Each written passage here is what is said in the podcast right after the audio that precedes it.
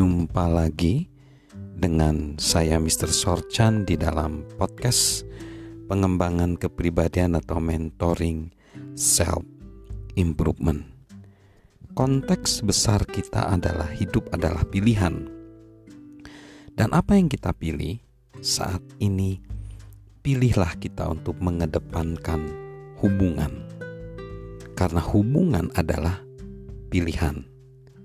Seorang bernama Charles H. Spurgeon berkata, "Ukirkan nama Anda pada hati, bukan pada marmer."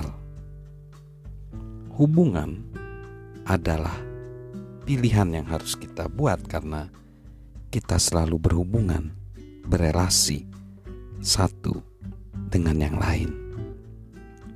John C. Maxwell berkata, "Anda bisa memberikan persahabatan kepada orang lain, tetapi Anda tidak bisa meminta mereka melakukan hal yang sama.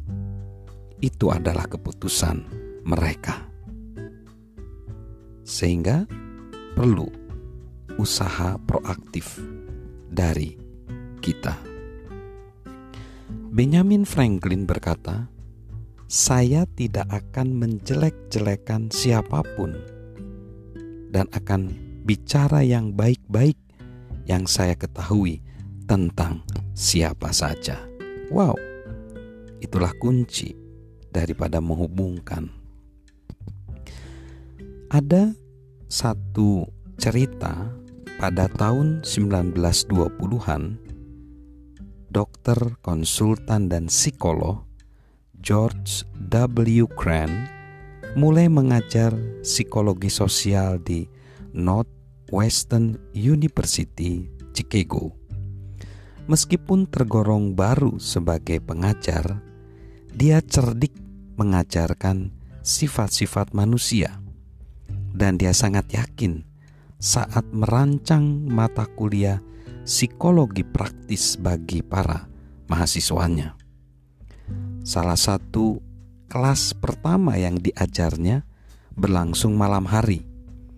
Terdiri dari para mahasiswa yang berusia lebih tua dari umumnya.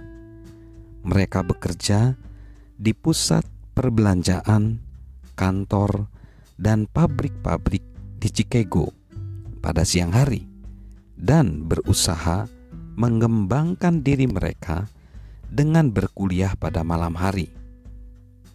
Suatu malam, seusai kelas, seorang wanita muda bernama Lois yang pindah ke Chicago dari sebuah kota kecil di Wisconsin untuk bekerja sebagai pegawai negeri sipil, mengaku kepada Grant bahwa dia merasa terisolasi dan kesepian. Saya tidak kenal siapa-siapa kecuali beberapa perempuan di kantor dia mengungkapkannya. Pada malam hari, saya masuk kamar dan menulis surat untuk dikirim ke rumah. Satu-satunya hal yang membuat saya bertahan setiap hari adalah harapan akan menerima sepucuk surat dari teman-teman saya di Wisconsin. Kren membentuk apa yang disebutnya dengan klub pujian sebagian besar sebagai tanggapan atas persoalan yang dihadapi Lois. Ia mengumumkannya di kelas pada minggu berikutnya. Tadinya, klub pujian hendak ia jadikan tugas praktek pertama untuk mereka. Kalian akan menggunakan psikologi kalian setiap hari, baik di rumah, di tempat kerja, kendaraan umum, maupun bis tutur keren. Untuk bulan pertama, tugas tertulis kalian adalah klub pujian.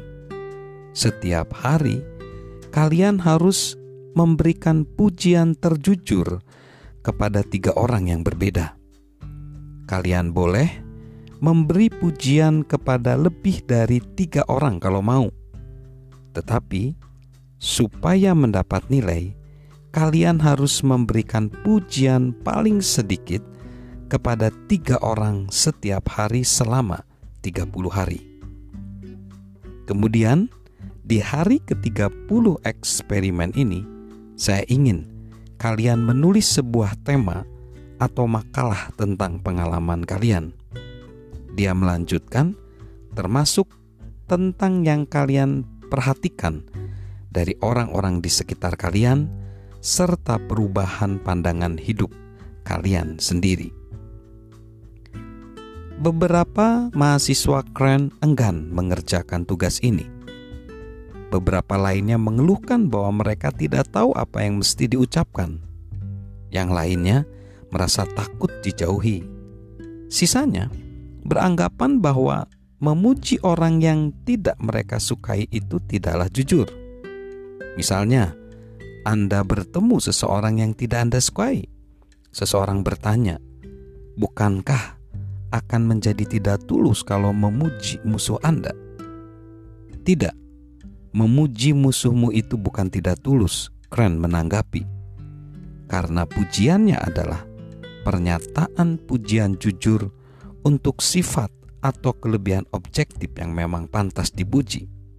Kalian akan menemukan bahwa tidak ada seorang pun yang sama sekali tidak punya kelebihan atau kebaikan Pujian kalian mungkin bisa meningkatkan moral jiwa-jiwa kesepian yang hampir putus asa melakukan hal-hal baik.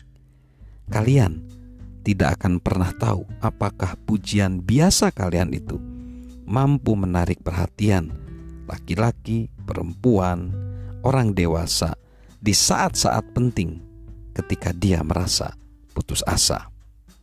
Mahasiswa keren menemukan bahwa pujian tulus mereka memberikan dampak positif pada orang-orang di sekitar mereka, dan pengalaman tersebut memberikan dampak yang lebih besar pada diri mereka sendiri. Lois menjadi orang supel yang memeriahkan suasana di mana pun. Mahasiswa lain yang tadinya ingin berhenti dari pekerjaannya sebagai sekretaris karena bosnya yang menyusahkan mulai memuji bosnya. Meskipun pada awalnya dia memberikan pujian dengan bergumam. Pada akhirnya, tidak hanya kebengisan bosnya yang berubah, kegusaran mahasiswa itu terhadap si bos pun mereda. Alhasil, mereka saling menyukai dengan tulus, bahkan akhirnya menikah. Klub pujian George Crane walaupun berlangsung di tahun 1920-an masih dapat mengajar kepada kita yaitu satu prinsip yang dinamakan prinsip elevator dalam hubungan di mana kita bisa mengangkat orang ke atas atau menurunkan orang ke bawah. Keren mencoba mengajari mahasiswa-mahasiswanya untuk menjadi proaktif. Keren mengatakan, Dunia ini haus perhatian, dunia haus pujian. Harus ada yang menggelindingkan bola dengan mengatakan pujian dan hal baik kepada orang lain terlebih dahulu. Salam untuk memilih melakukan hubungan yang baik dengan sesama dari saya, Mr. Sorjan.